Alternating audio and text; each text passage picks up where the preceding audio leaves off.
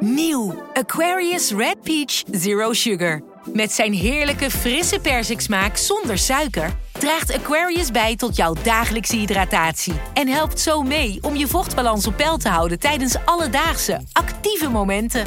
Thuis, op het werk of onderweg. Ook verkrijgbaar in smaken lemon en orange. Probeer hem nu. Bij een juridisch conflict kun je het gevoel krijgen dat je in een rollercoaster bent beland.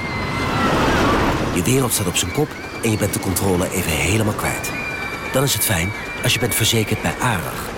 Daar werken topjuristen en advocaten die je begrijpen. Die een stap extra voor je zetten. En je het gevoel van controle teruggeven. Met kennis en informatie, met heldere uitleg en met gericht advies. ARAG, juridisch probleemoplossers.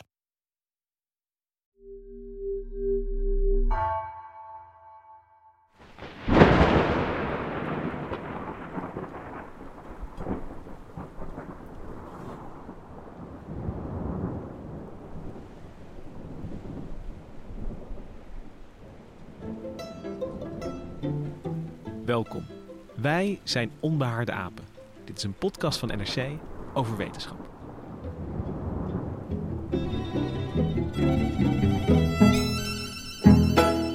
Van alle natuurfenomenen is er geen zo ontzagwekkend als de bliksem. In die flits zit schoonheid, maar ook gevaar.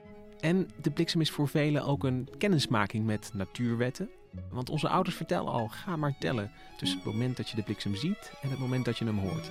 En voor elke seconde is de bliksem weer 300 meter van je weg. Maar voor al die regeltjes die er rondom bliksem zijn, zijn er ook nog steeds heel veel raadselen. En het grootste raadsel is nog wel, hoe begint die bliksem? Wat bepaalt nou waar het gaat flitsen? En om die vraag vandaag te beantwoorden zit ik hier in de studio met Hendrik Spiering. Hallo. En ook met uh, wetenschapsjournalist Laura Bergshoef. Hallo. En Laura, jij bent uh, nou ja, heel dicht bij het ontstaan van bliksem geweest. Daar gaan we deze aflevering meer over horen. Maar jij ging in een bliksemlab kijken hoe je bliksems kunt opwekken. Ja, klopt. In Eindhoven. Dat zag er echt super cool uit. En uh, je, je bent, zit hier heel huids, dus het was het, het ja. had een goede afloop. Ja, we mochten niks aanraken. We werden goed gewaarschuwd. Ik denk overal van die waarschuwingsborden, danger en goede letters. Dus het is goed gekomen. Oké, fijn. En uh, ik herinner me dus als ik denk aan bliksem, uh, dus vooral die, die regeltjes. Dus niet alleen regeltjes over dat tellen, maar ook van mijn ouders over wat ik dan moest doen. Niet op een, op een open veld moest je gaan hurken en in een auto blijven zitten en niet schuilen onder een boom. Bliksem... Nooit schuilen onder een boom. Nee, nee. Dus, dus, voor mij hang, hangen bliksem heel erg samen met, met die regels. Maar ik, ik ben benieuwd, was dat uh, voor jou ook zo, Laura? Werd jij ook gedrild ja. uh, om hoe je met bliksem om moest gaan? Ja, ik vond bliksem altijd wel heel fascinerend. Maar het is inderdaad vooral door mijn moeder dat ik heb geleerd dat het heel gevaarlijk is. Want die was altijd van, als ik op de fiets vanuit school naar huis zat, van ga maar gewoon ergens schuilen bij iemand thuis. Gaat niet door de bliksem fietsen. Dus, uh... En Hendrik, hoe is dat voor jou? Ja, ik herinner me een, een zeiltocht toen ik jaar of uh, 22 was of zo met een vriendin. Die kon heel goed zeilen. En wij zeilen en het begon toch uh, te omweren. En toen dachten we, nou leggen we, leggen we de boot, dat was een BM, leggen we bij de sluis en dan gaan we daar gewoon slapen. En ik met mijn middelbare school natuurkunde haar gerustgesteld ook. Van ja, als de bliksem dan inslaat, dan gaat het wel via de natte stagen. Dat zijn die lijnen die de mast omhoog houden van metaal. Gaat het wel naar weg. Dus wij daar geslapen. Dat is een onvergetelijke nacht om allerlei redenen. Maar ook door die, uh, door die bliksem. Dat, en één stuk door donder en bliksem boven de Friese meren. Maar de volgende dag kwamen we, geloof ik, die, uh, die uh, sluiswachter tegen. En die zei dat we echt heel erg dom waren geweest. Dat we die mast natuurlijk naar beneden hadden moeten laten. Want dat dunne lijntje, die, dat, dat dunne stag, dat, dat zou nooit die bliksem kunnen. Dus die boot was geëxplodeerd als daar de bliksem was ingeslagen. En jullie zijn daar uh, goed uit Ja, er was niks aan de hand verder. Nee. Um, en om, die, om maar bij die middelbare schoolkennis te, te beginnen, uh, Laura. Wat is het nou aan bliksem dat het zo gevaarlijk maakt? Ja, ten eerste, bliksem is echt ontzettend heet. 30.000 graden. En uh, ja, als je erbij komt, is dat ook niet je grootste probleem. Want er zit ook heel veel spanning bij. En als je dus geraakt wordt, kan je hart stil gaan staan. Of uh, je zenuwstelsel kan worden beschadigd. Of je spieren kunnen verlamd raken. Je kan bliksem wel overleven. Maar wat nu het ding is, mensen zijn eigenlijk gewoon heel goede bliksemgeleiders. En we zijn eigenlijk gewoon wandelende zakken zout water. We glijden bliksem beter dan bomen. Dus daarom, wat je net ook al zei, moet je ook wegblijven bij bomen. Want stel je leunt er tegenaan met je hand en de bliksem die gaat door de boom, want die hoog is, dan gaat de bliksem liever door je lichaam naar de grond dan via de boom. En uh, dan klopt dat, uh, die, die, die wijsheid die iedereen heeft van, van de bliksem zoekt het hoogste punt. Uh, die klopt dus ook. Dus, dus hoge bomen vermijden. Uh, jezelf klein maken op het open veld. Dat zijn nog steeds allemaal uh, goede tips. Uh, ja. sinds, sinds ik ze gekregen heb, bijna 30 jaar geleden. Ja, inderdaad. Hoge punten, scherpe punten, zeg maar. En een boom is relatief scherp als je het over de hele lucht hebt. Inderdaad, dus hurken, zodat je kleiner bent. Ook niet gaan liggen, want dan maak je meer contact met de grond. En je noemde al een cijfer, 30.000 uh, graden. Um, bij bliksem horen ook dit soort ontzagwekkende getallen. Want uh, ik weet niet, heb je bijvoorbeeld de, de spanning paraat die er dan over je heen rolt? Miljardenvolt komt er vrij bij bliksem. Nou ja, dat, dat klinkt meteen al als een, ja. als een probleem.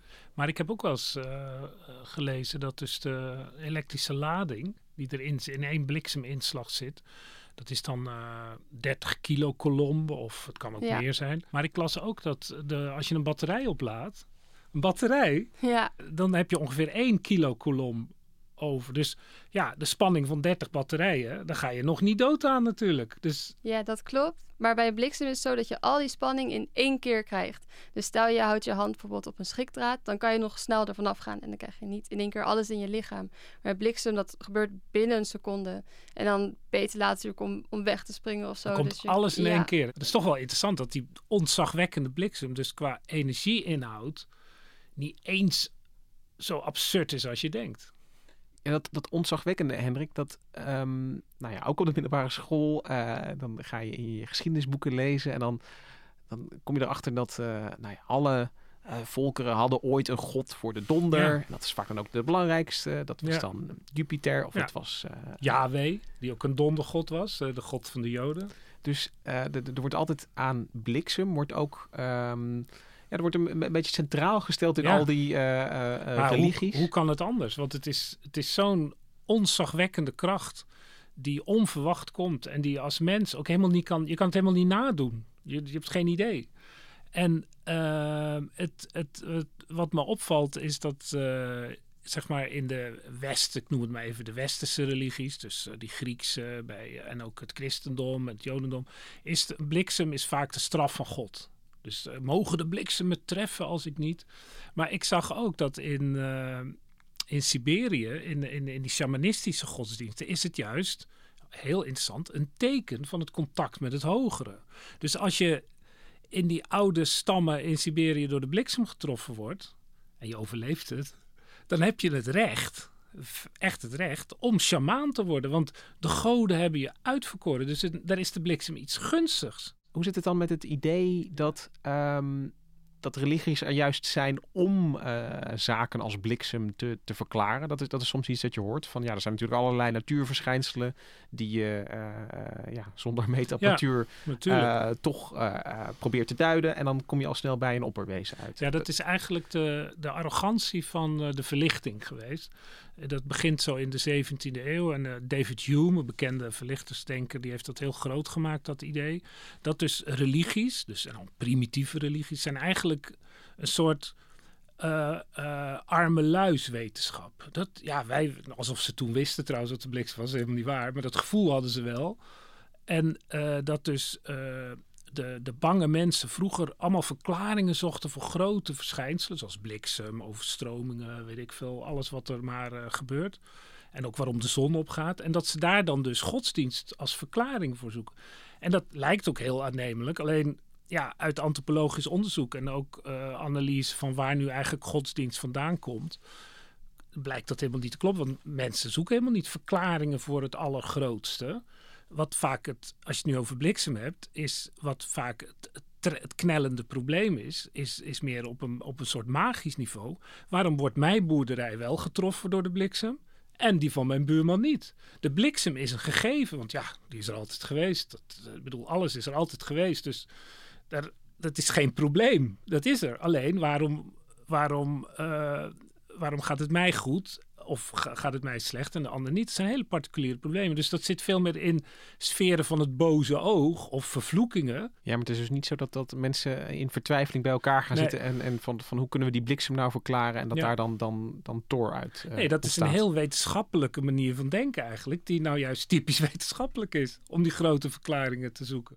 En Hendrik, kun je dan iets vertellen over de wetenschap? er was wel kennis van elektriciteit. Dat was zeg maar statische elektriciteit. Dat je dus iets opwrijft. Amber is dan heel beroemd. Want dat, dat, in het Grieks is amber elektron. Daar komt die naam vandaan.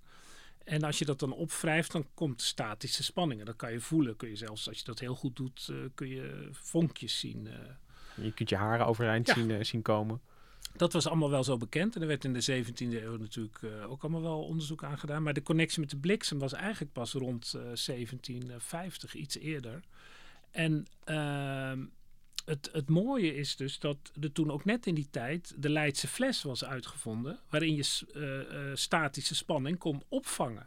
En dat gaf de gelegenheid, als we die nou eens verbinden met die bliksem, dan kan je dat kan je zien of dat dezelfde statische spanning is die je kan opwekken met het wrijven over een stuk glas. Want wat is een Leidse fles dan? Hoe moet ik dat voor Ja, dat is eigenlijk een hele primitieve batterij. Eigenlijk een hele simpele condensator. Waarin je dus spanning vast kunt houden. En die bestond er eigenlijk uit dat je dus uh, een, een, fles hebt die dus glas is iso isolerend. En uh, daar binnenin wordt de binnenkant bekleed met metaal, waarop de elektroon of de spanning uh, kan blijven zitten. En als je dat dan isoleert, kon je dus die spanning meten kon je dus ook kijken of, dat, of het ene uh, proces dezelfde spanning opwierp als de andere. En dan konden ze dus die connectie tussen bliksem, die is onzagwekkend, en bijna kinderspeelgoed van het opwrijven van zo'n stuk amber. En wat uh, Benjamin Franklin dus eigenlijk deed, was niks anders dan een vlieger oplaten in een donderwolk of een regen, een grote onweersbui, met een sleutel daaraan. Uh, die dus uh, dan die, die spanning zou. En dan zou je die sleutel weer in contact brengen met die Leidse fles. Als die netjes naar beneden is. Moet je zorgen dat hij niet op de grond komt, natuurlijk. En zo is het ook gegaan. Dus het is niet zo dat die. Dat, het was natuurlijk wel een enorm gevaar dat die. Uh, die vlieger door de bliksem getroffen zou worden. Maar dat was niet de bedoeling. Nee, het ging om die sleutel. En er was natuurlijk maar een heel klein beetje spanning. En wat hij eigenlijk doet, is dus hij laat die vlieger op in dat spanningsverschil waar Laura net over vertelde. En dat pakt die, die, die, die daar wordt die uh, sleutel ook door aangegrepen. Die wordt ook elektrisch geladen door die, door die inwerking van dat uh, elektrische veld. En nou, laat je me naar beneden en dan houdt hij dat vast. En dan doe je die Leidse fles tegenaan. En dan neem je die fles mee naar huis en dan met een veertje of zo kan je dan kijken wat er, of die echt geladen is. En, dan heb je en dat was ook zo. In, want, want in de tekenfilms wordt uh, Benjamin Franklin altijd dan, dan wordt hij zo'n skeletje even en dan wordt hij geëlectrocuteerd. Maar, maar de, de, de prozaïsche werkelijkheid is dat hij dus een, een, sleutel probeerde ja. op te laden en die spanning overbracht. Ja. Die, die lading. En dat is al knap genoeg natuurlijk. En dat is ook tegelijkertijd toen dus eenmaal de. Dat was natuurlijk een enorme ontdekking. Uh, en geval een bevestiging van een vermoeden, wat, wat misschien nog niet eens zo heel lang bestond. Dat, dat die bliksem hetzelfde verschijnsel was als die elektriciteit. En dat leidde ook onmiddellijk, want het was natuurlijk heel praktisch, tot de uitvinding van de bliksemafleider. Dat was natuurlijk, overal sloeg voortdurend de bliksem in. De huizen waren van hout, het, het, de ene brand naar de ander. En in die tijd is dus de bliksemafleider uh, gevonden, uitgevonden. En die werd ook gelijk overal toegepast. Dus gewoon, je steekt eigenlijk een staaf uh, op het huis die de bliksem afleidt. En die geleid je dan buiten het huis naar beneden via een, een koperen, koperen draad die dik genoeg moet zijn. Maar dit, dit, bedoel ik met dat de bliksem al lang wordt onderzocht. Want dit, dit is dus uh, nog geen drie eeuwen oud, maar wel bijna. Ja. Uh, um, hè, dat er op het moment dat de wetenschap opkomt, wordt er ook ja. bliksem als fenomeen bestudeerd. Ja. En worden de inzichten daaruit dus eigenlijk ook um, meteen toegepast om de wereld een beetje veiliger te maken. Ja, maar dan blijft het eigenlijk heel lang stil. In, in de jaren twintig heb je dan de Schotse uh, meteoroloog, geniale wetenschapper, die helemaal gek is van wolken, Charles Wilson. En hij wilde weten wat is de elektrische lading, hè, dus die 30 kilo kolom van, die, uh, van zo'n bliksem. Hoeveel energie zit er nou eigenlijk in? Nou, natuurlijk geen idee hoe hij dat moest meten. En uh, toen heeft hij dus met uh, ingenieuze apparatuur het elektrisch veld gemeten bij een blikseminslag. Dus dan kan je terugrekenen, als je de verandering in het elektrisch veld kan meten door op verschillende plekken die meetapparatuur te zetten, dan, dan kan je terugrekenen en dan kom je heel dicht bij die, bij die lading. En zo stapt dat onderzoek in de jaar vanaf, eigenlijk vanaf dan gaat het sneller, omdat ze dan een beetje grip erop hebben. En vrij bizar dat door de lanceringen van Apollo-raketten, maar ook denk ik wel voor satellieten, bleek ineens, tot verrassing van iedereen, dat wolken waar, waar nog nooit iemand een bliksem had vermoed, als je daar dan zo'n raket doorheen stuurt, met ook al die uitlaatgassen natuurlijk, ontstaat er ineens ook bliksem. En, en om maar bij die wetenschap weer, weer terug te komen, uh, Laura, als het, als het gaat over het uh, ontstaan van, van bliksem, wat is dan het, uh, het standaardverhaal? Zeg maar? Wat weten we over waarom er bliksem is? Ja, bliksem ontstaat in drie stappen. De eerste stap is het opladen van de wolk. De tweede stap is het klaarmaken voor het ontladen van de wolk. En de derde stap is de ontlading zelf. Oké, hebben we dat? Opladen, ja. vrijmaken, ontladen. En er is een, een, een, wolk, die, die hebben we al. En dat, dat is dan niet, niet een gewone regenwolk, maar een onweerswolk wordt dan gezegd. Dus, dus wat, wat, is, wat, wat is er met die wolk aan de hand dat er überhaupt bliksem uit kan komen? Ja, wat er gebeurt. Dus dan zijn we sta bij stap 1, het opladen van de wolk. En de wolk zijn dus druppeltjes uh, water uh, ja. in de lucht. En de ijskristallen zitten daarin. En die zijn belangrijk voor het opladen. Want die uh, ijskristallen die botsen tegen elkaar. En wat er nu gebeurt, is dat dat blijkt uit de praktijk, dat de zware ijskristallen, die nemen elektronen, dat zijn negatief geladen deeltjes van een atoom, uh, die pakken die vast. En de lichte ijskristallen, die worden dan juist positief geladen. Wat je dan krijgt is een ladingsverschil met zware negatief geladen ijsdeeltjes en positief uh, lichte geladen ijsdeeltjes. Dus het, zijn, het is de, het, het, de beweging van die ijskristallen die die verschillende ladingen creëert. Maar dan gaat er weer een, een, stroompje lopen natuurlijk. Ja, maar wat er dan gebeurt inderdaad is dan heb je dus uh, warme opstijgende lucht van beneden. Daarom zie je bliksem ook zo vaak in de zomer.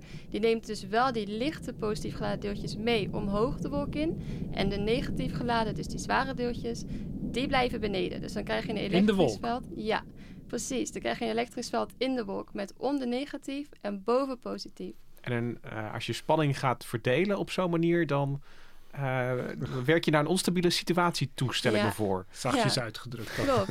Ja, dat wil ontladen. En meestal echt verreweg, volgens mij is het 90% van de ontladingen, die gebeurt ook in de wolk zelf.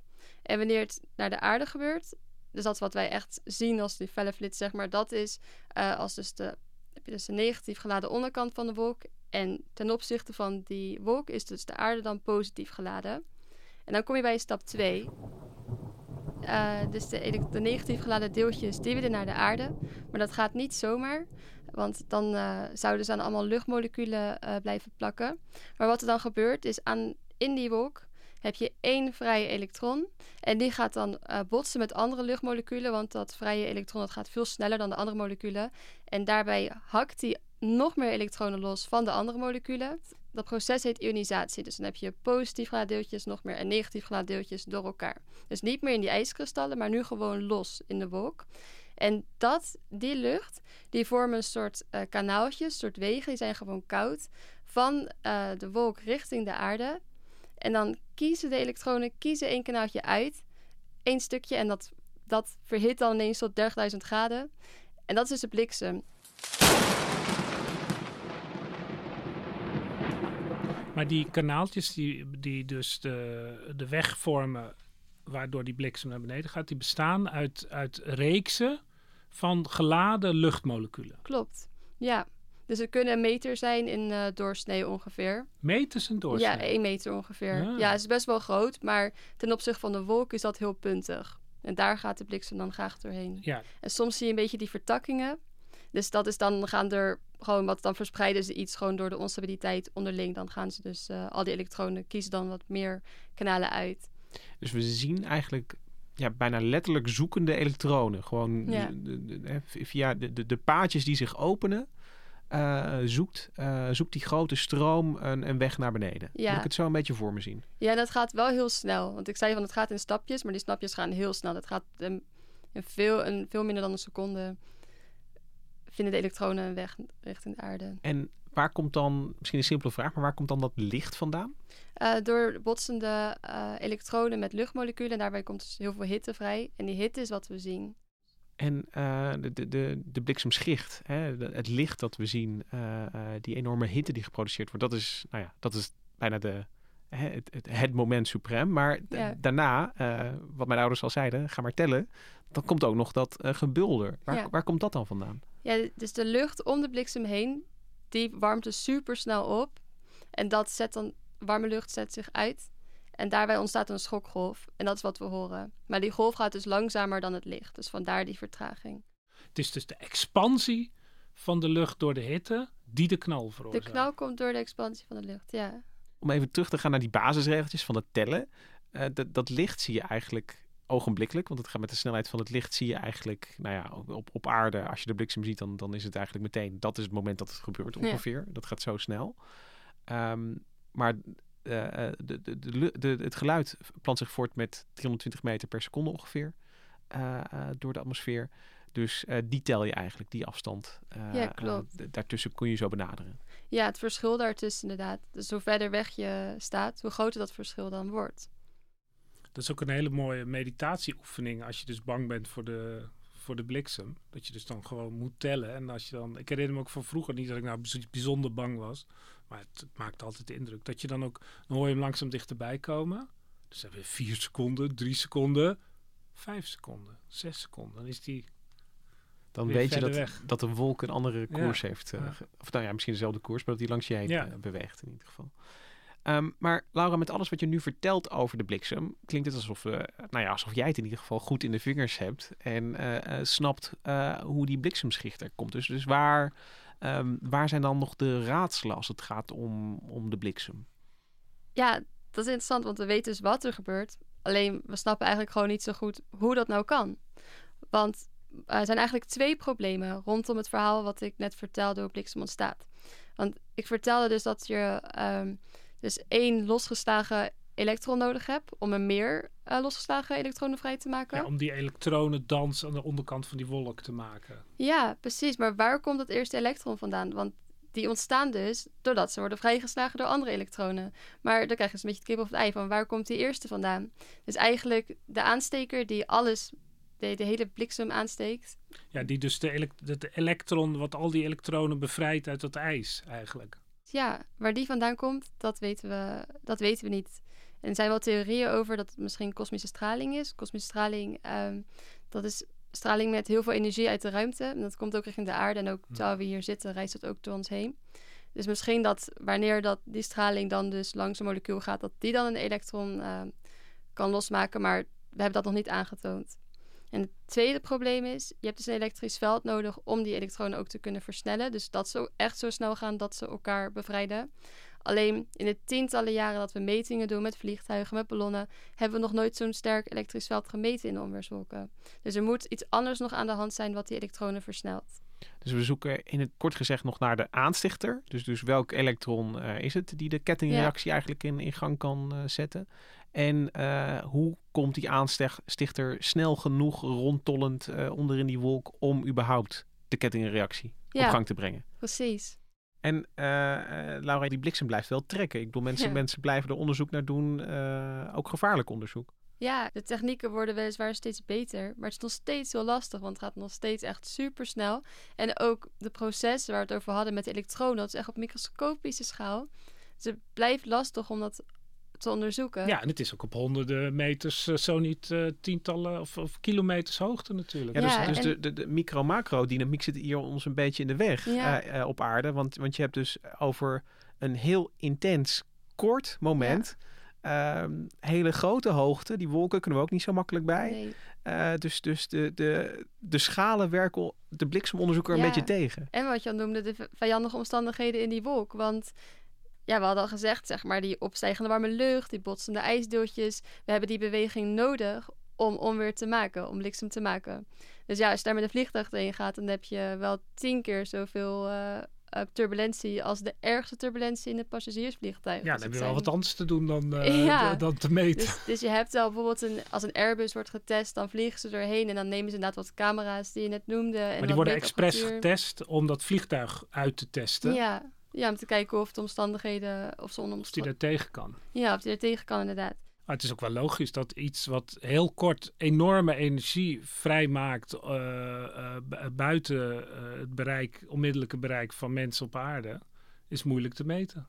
Ja, Maar als de, de, de bliksem zo'n grillig, uh, moeilijk verschijnsel is, kun je dan iets vertellen over ja, wie de moderne Franklins zijn en, en hoe ze te werk gaan? Hoe proberen zij de bliksem te begrijpen?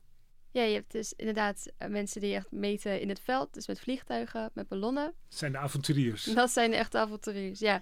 En je hebt dan ook mensen die uh, modelleren, zoals bij het Centrum voor Wiskunde en Informatica in Amsterdam. Een stuk veiliger? Een stuk dus veiliger. Maken gewoon de sommen, zeg ja, maar.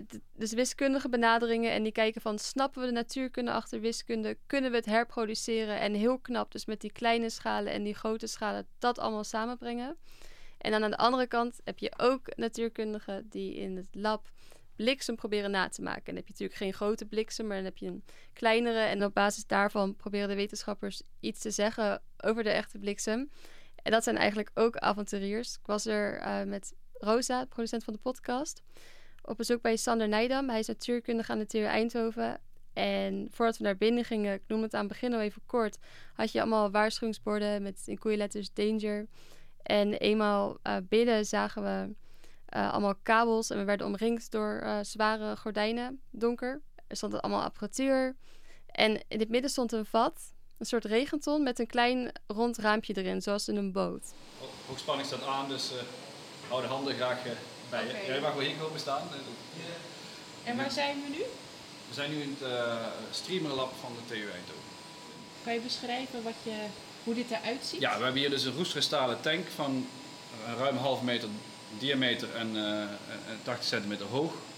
En daar in die tank zit een scherpe punt onderaan een plaat. En op die punt kunnen we een hele hoge spanningspuls zetten. En dat doen we met een, een uh, elektrisch circuit wat erboven zit, waarmee we spanningspulsen tot zo'n 50 kilovolt erop kunnen zetten. En die kunnen heel snel starten.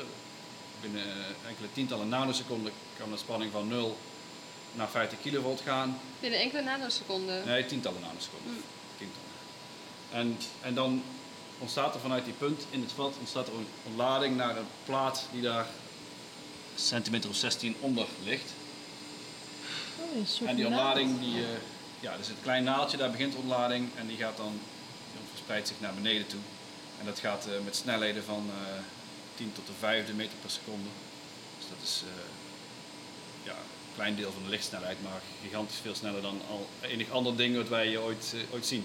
Nou, er zitten een paar vensters in en uh, één venster hier kunnen we zelf doorkijken. Het andere venster kan onze snelle camera die daar staat doorkijken. En die kan het veel beter zien dan wij, want wat we daar gaan zien is, uh, is behoorlijk lichtzwak. Het zijn geen felle bliksems die, waar je ja. waar je verschrikt van de felheid. Je moet echt het licht uitdoen en, en, en goed kijken. Maar dan zien we ze wel met het blote oog. Maar die camera die ziet het veel beter. En wat daar dus in dat vat gebeurt, als ik het goed begrijp, is dat hij dan aan één kant heel uh, veel spanning op kan bouwen. Zoals er in de, dat in de wolk eigenlijk ook gebeurt. Aan, aan ja. de, uh, wat, wat, wat hij in dat, dat, dat puntje bij elkaar brengt, is hetzelfde wat er gebeurt aan die onderkant van die wolk, waar die elektronen samen pakken. Ja, er zitten in dat vat zitten dus geen uh, echte ijskristallen.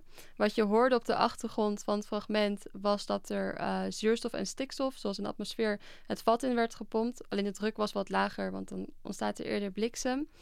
En uh, je had er dus een naald en daar ontstaat de bliksem. Dus in plaats van dat je het elektrisch veld opwekt met die ijskristallen, uh, werd er nu gewoon spanning in het uh, vat gestopt. En, en toen? En toen ging het licht uit. So everything is ready to... Uh... But I don't think we can. We cannot see this one? Het is nu al aan het bliksemen. Hij is nu daar aan het bliksemen. Met, ik weet niet... Uh... What's the rep rate now? 1 hertz? 5 hertz. Vijf keer per seconde is er nu een heel klein ontlading. En het is nou eigenlijk nog... Nee, deze is te zwak. Ik zie hem in ieder geval niet. Zie jij hem wel? Het lijkt, maar misschien is dat omdat ik het denk. Maar, maar het is niet continu, toch? Er zijn vijf, vijf keer per seconde. Oh ja, het is wel continu. Tak, tak, tak, Nee, dat is vijf keer per seconde. Zou je... Ik zie het heel zwaks, maar misschien is het omdat ik er heel erg focus. Het lijkt alsof ik wel in het midden iets zie. Iets Zo. lichter dan de rest. Ja, toch? Ja, dus... Ik zie niks. Ja, ik zie het volgens mij wel. Maar kan, misschien ben ik gek. Het lijkt alsof er in het midden gewoon iets meer... Kan het zijn dat ik het wel zie? Ja, ik zie in ieder geval ook niks. Ik heb slechte ogen, dus het... Ja, ik zie echt wel iets. Ik zie het. Oh ja. Ja Ja, ja, ik zie het ook. Ja. Je moet even Oh ja. heel lang Een soort melk. melk. Ja. Ja, aan de zijkant zie je ze wel zeker. En de bui- Kijk, je ziet die schijf en aan de buitenkant zie je ze zeker. Oh, ja, en, het ja, en nou zie je, ja, de spanning, hij draait de spanning op. En nou zie je inderdaad iets, Ja, ik zie het knipperen ook echt. ah, nou zie je het beter, ja, nou het donkerder is. Nou zie je zeker eentje naar beneden gaan, recht naar beneden. Kijk, en daar zie je op beeld wat, wat de camera ziet. Ja, Laura, toen je vertelde dat je naar een bliksemlab was geweest. Ik, ik stelde me een hele grote machine voor met, met, met heel veel ontladingen en geknetter. Ehm, maar je moest eigenlijk met een vergrootglas op zoek naar de, de bliksem, als ik het goed begrijp. Ja, ja, hij was ongeveer zo groot als mijn onderarm. En hij vertakte zich ook een beetje naar de zijkanten. Maar dat was juist wel mooi. Het had ook wel iets intiems. Mooier dan ik eigenlijk had verwacht. Het lijkt een beetje... Je kent wel zo'n sneeuwbol die je Ja. zeg maar zo schudt. En dan kijk je naar een mini stukje van de wereld. Zo voelde het een beetje. Je zag zo heel... Ja, die zag die bliksem vertakken. Na een tijdje, zo soort in het fragment. Onze ogen moesten even wennen aan het donker. Het klinkt eigenlijk als een heel lief bliksempje. Ja. Eigenlijk. Ja, ja, ze zag het eruit. Heel intiem. En... En ze zijn dus eh, een stuk kleiner. ehm, maar, maar komen ze in andere opzichten wel overeen met eh The Real Thing? Is het, is het er wel ongeveer evenveel eh, spanningsverschil in? Eh, is, is, is, het, is het in die zin vergelijkbaar met een wilde bliksem? Nee, maar de spanning is heel anders, is veel lager. En ehm, hij is dus ook, ehm, je kan hem heel lang laten doorlopen. Eh, maar wat je bijvoorbeeld wel kan doen, is kijken onder welke omstandigheden begint hij nou. Onder welke omstandigheden begint hij sneller. En dat is dus wat Sander Nijdam daar in het lab doet. Om dus bijvoorbeeld die vraag te beantwoorden over het elektrisch veld. Van hoe kan het nou dat bliksem start terwijl het elektrisch veld niet sterk genoeg is? Dus met dit apparaat kun je eigenlijk naar de oorsprong van de bliksem zoeken. Ja, precies. Van wat is het nou in die omstandigheden eh, waarom eh, hier een, een bliksem ontstaat en eh, niet ergens anders? Ja, precies. En wat zijn dan een soort van, van die ideeën daarover? Van, van wat, wat zie je daar gebeuren dat dat kan helpen verklaren? Ja, er is dus al een, een theorie die al best wel lang bestaat over hoe het dus kan dat bliksem alsnog ontstaat terwijl het elektrisch veld te laag is. En eh, de Amerikaanse natuurkundige eh Dwyer werkt daaraan. En ehm, je hebt, het idee is, je hebt gammastraling. Dat is een vorm van ehm, eh, kosmische straling die ik eerder noemde. En die gammastraling kan uiteenvallen. Dan krijg je een elektron en zijn antideeltje een positron. Wat er dan gebeurt is, die vliegen heel snel van elkaar weg. En dan daar ontstaat weer nieuwe gammastraling. Die valt weer uiteen. Dus wat je dan krijgt is eh, positronen en elektronen die dus heel snel heen en weer vliegen. En het elektrisch veld dachten we dus nodig te hebben om elektronen te versnellen. Maar Dwyer omschrijft dus een ander mechanisme eh, hoe je dus elektronen kan versnellen. Namelijk door het uiteenvallen van die gammastraling. En die krijg je dus eigenlijk eh, cadeau. Want eh, dat is dat, het heelal. dat, die, die Ja. komen uit het heelal. En, Ja. en daar, die, daarmee wordt de aarde gewoon voortdurend gebombardeerd. Klopt. Ehm, dus toen we in het begin zeiden, we gaan op zoek naar de aanstichter en eh, naar hoe die zijn snelheid krijgt.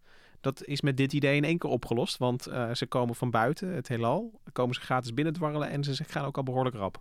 Ja, alleen eh Nijdam die vindt deze theorie dus heel onwaarschijnlijk. Ik vind het onwaarschijnlijk en ik, vind het ook, ik, ik kan het ook in mijn lab niet checken. Dus ik kan, er ook, ik kan me er niet zoveel mee bezighouden.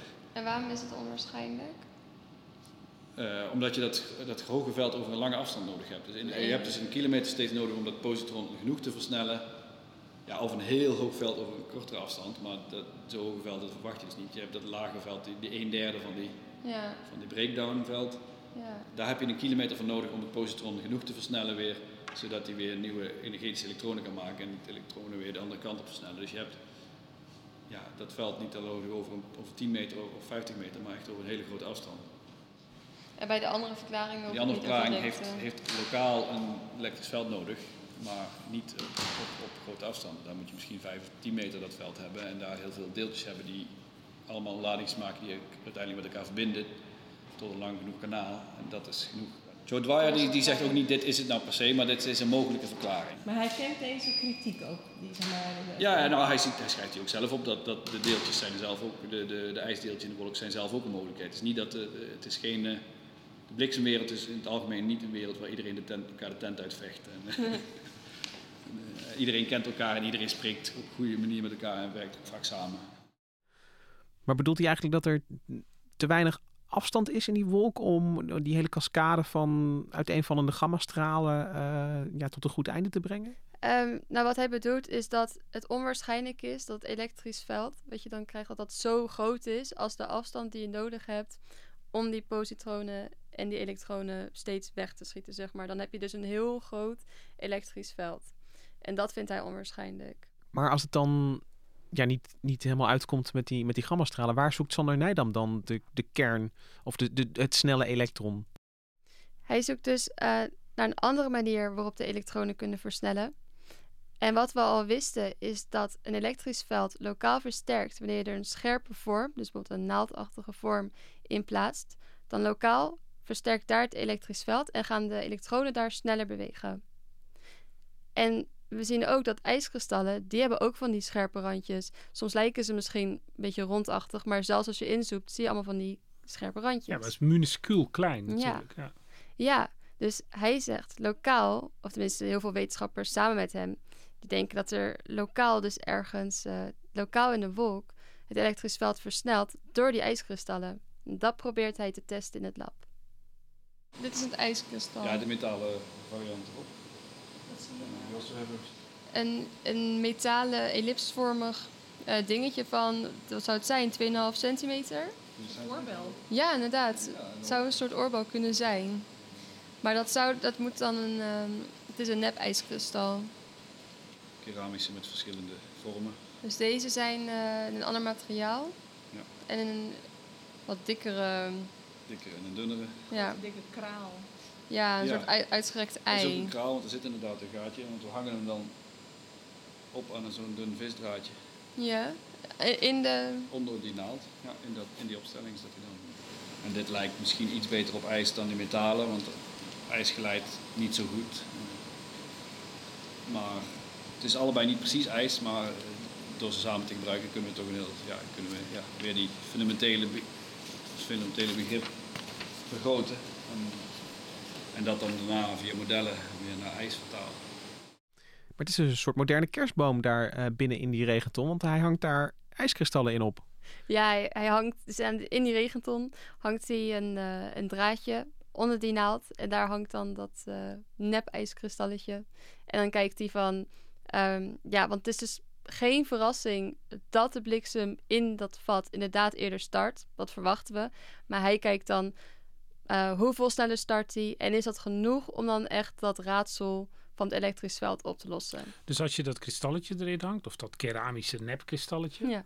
dan, dan, dan ontlaat hij eerder dan wanneer er niks hangt. Ja, precies. Dat is wat we al zien. Maar of dat dan genoeg is en hoe dat dan precies gebeurt en op welk moment en of dat dan dus ook eh, opgeschaald kan worden naar de echte bliksem, dat is nog onduidelijk. Ja, want wat ze dan doen is eh, metingen doen, waardoor je getallen krijgt die je dan weer kan gaan toepassen op berekeningen op echte, eh, veel kleinere eh, ijskristallen in die wolk. Ja, precies. En op de grotere bliksem. Dus het, het, het werk dat hier in het lab gedaan wordt, dat, dat wordt uiteindelijk weer in die, die modellen gevoed. eh, ehm, en, en, en zo ja, gaat het bliksemonderzoek zeg maar door eh, om te begrijpen hoe eh, en waar die bliksems ontstaan. Ja, dat is ook mooi. Dat modellen, en dus zeg maar het CWI en Eindhoven, die werken ook heel nauw samen. En waar Eindhoven dan natuurlijk nog op de grote schaal vooral werkt, relatief grote schaal ten opzichte van modellen, kijken ze bij het CWI zijn ze juist heel goed in die microscopische structuur. En dat moet eigenlijk steeds dichter naar elkaar toe. Dus die modellen moeten steeds eh, al die microscopische processen op grote schaal kunnen meenemen. In het lab willen ze juist die kleine schalen ook mee begrijpen. Nou, leuk. En wanneer zijn ze eruit? Het lijkt in principe misschien een simpel experiment, maar het lastige is dat je het heel vaak wilt herproduceren. en dat is heel erg moeilijk om gewoon, je, als je één meting doet, dan heb je heel veel ruis. Dat geeft niet genoeg data. Dus je wilt echt duizend keer dezelfde, exact dezelfde omstandigheden nabootsen. Dan pas kan Nijdam er iets nuttigs over zeggen. En dat is heel moeilijk. En dat kan geen jaartal eraan koppelen, maar dat gaat, zal niet heel snel gebeuren. En los van of het uiteindelijk echt zo blijkt te zitten, is het idee natuurlijk wel eh, mooi weer. Weet je, van, van we voegen nog een, een microlaag toe in ons begrip van de bliksem als dit model klopt. Want dan is het dus. Hè, we hebben al die schuivende ijskristallen gehad. En nu is het ook de vorm van de ijskristallen die ja, de bliksem zou kanaliseren eigenlijk. Of, of in ieder geval de, de genoeg sweep eh, moeten, moeten geven om daar naar beneden te Ja, komen. het is wel weer enorm poëtisch. Dat dus die microscopisch kleine puntjes, eh, die uitsteekseltjes van die ijskristallen, die zorgen ervoor dat er dan eh, op, de, op de grond dood en verderf wordt gezaaid. eh, Ja. Door die enorme knal die er naar beneden gaat. En uh, Laura, nu jij zo'n zo'n kijkje hebt uh, genomen in, in de, de keuken van de, ja, de, de, de bliksemopwekkers, uh, zeg maar. Um, zie je dan ons begrip van, van bliksem vergroten? Ik bedoel, waar komt de bliksem vandaan? Is zo'n ja, nieuwsgierige vraag die alle kinderen bijna hebben. kunnen, kunnen we een beter antwoord geven aan die kinderen nu? ja, hoe het ontstaat waarschijnlijk wel. Alleen hoe beter we kijken, hoe meer uh, gekke dingen we eigenlijk nog eromheen zien. Zoals we het al even over gehad, dat gammastraling misschien een belangrijke rol kan spelen bij het ontstaan. Maar bliksem uh, zorgt ook weer voor gammastraling. En voor 1994 dachten we dat gebeurt alleen maar in de ruimte. Dus er ging een satelliet omhoog om de aarde cirkelen en die keek richting de ruimte, zeg maar, waar uh, komt die gammastraling vandaan. En die zag het ineens vanaf de aarde komen. En dat bleek dus bliksem te zijn bijvoorbeeld. Dus maar een voorbeeld hoe we steeds gekkere dingen zien. En we snappen nog steeds niet uh, hoe dat nou kan. Maar dat gebeurt dus zeg maar kort gezegd in die enorme hitte van die uh, kanalen. Door die enorme hitte kan er ook gammastraling uh, ontstaan. Ja, precies. En later gingen dus ook Airbus-vliegtuigen bijvoorbeeld door die wolken heen. En die maakten dan ook zo'n glow. Dus geen gamma-flitsen, maar een soort nagloed ervan. En dat is dan ook weer iets nieuws geks. Waar natuurkundigen ook weer opnieuw in shock zijn van... ja, er zijn steeds weer... Ze worden iedere keer door de bliksem getroffen. Ja, precies dat, ja. Dus je kunt ja, drie eeuwen lang uh, bliksem uh, bij elkaar roeren, uh, modellen bedenken en, en, en steeds verrast de bliksem ons weer met een, met een ja, rare afslag eigenlijk. Ja, ik denk dat het daarom ook zo'n aantrekkelijk onderwerp is voor wetenschappers, want er zijn nog zoveel open vragen, zoveel fundamentele vragen. En ik, ik durf niet, bijna niet te vragen, Laura, in een, in een onderwerp dat zo door, door onze nieuwsgierigheid voortgedreven wordt. Maar kunnen we ook nog iets met deze bliksemkennis? Kun je nog een, betere bliksemafleider maken? Of is er nog een, een doel om, om een techniek te ontwikkelen? Ja, de bliksemafleider werkt eigenlijk al best wel goed. Alleen, ja, onze technieken gaan vooruit en die willen we beschermen. Bijvoorbeeld de windmolens, we willen er gewoon steeds meer. Dus eigenlijk uh, bijna ja, alle... Is, het is natuurlijk levensgevaar. Hele gevoelige uh, apparatuur op 100 meter, 200 meter hoogte. Dat is natuurlijk vragen om problemen. Ja, die willen we beschermen. En dus bijna alle Nederlandse bliksemonderzoekers zijn in Europa aan een groot project nu aan het werk. Um, van hoe kunnen we die uh, windmolens beter beschermen. Maar als je dan met die wetenschappers gaat praten, dan komt er eigenlijk op neer: hoe gaan we dat doen? We moeten bliksem gewoon beter begrijpen. We moeten beter begrijpen wat er gebeurt. En dan pas kunnen we ze ja, kunnen we ook bijvoorbeeld de windmolens beschermen. Ja, dus is er ook nog dat, dat hogere doel aan de horizon om uh, onze uh, energie voor de toekomst veilig te stellen. Ja. Door uh, die hoge energetische, energetische ontladingen eigenlijk. Ja. Nou, dankjewel Laura dat je ons meenam in de wereld van het bliksemonderzoek. En dankjewel Hendrik dat je ons in de ja, religieuze wereld van het gebliksem meenam. Uh, dankjewel ook Rosa van Toledo, producent van deze aflevering en voor de reportage in Eindhoven. En de muziek die je hoort, die is gespeeld door het Dudok Quartet. Wij zijn er volgende week weer met een nieuwe aflevering. Tot dan!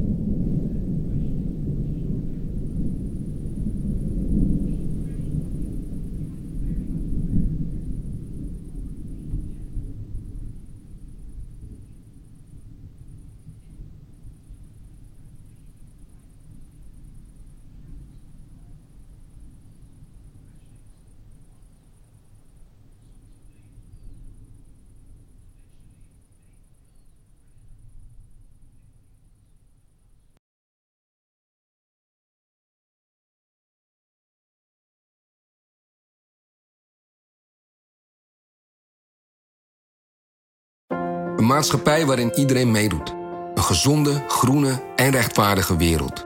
Daar willen jij en heel veel andere mensen best iets aan bijdragen. In het klein en in het groot.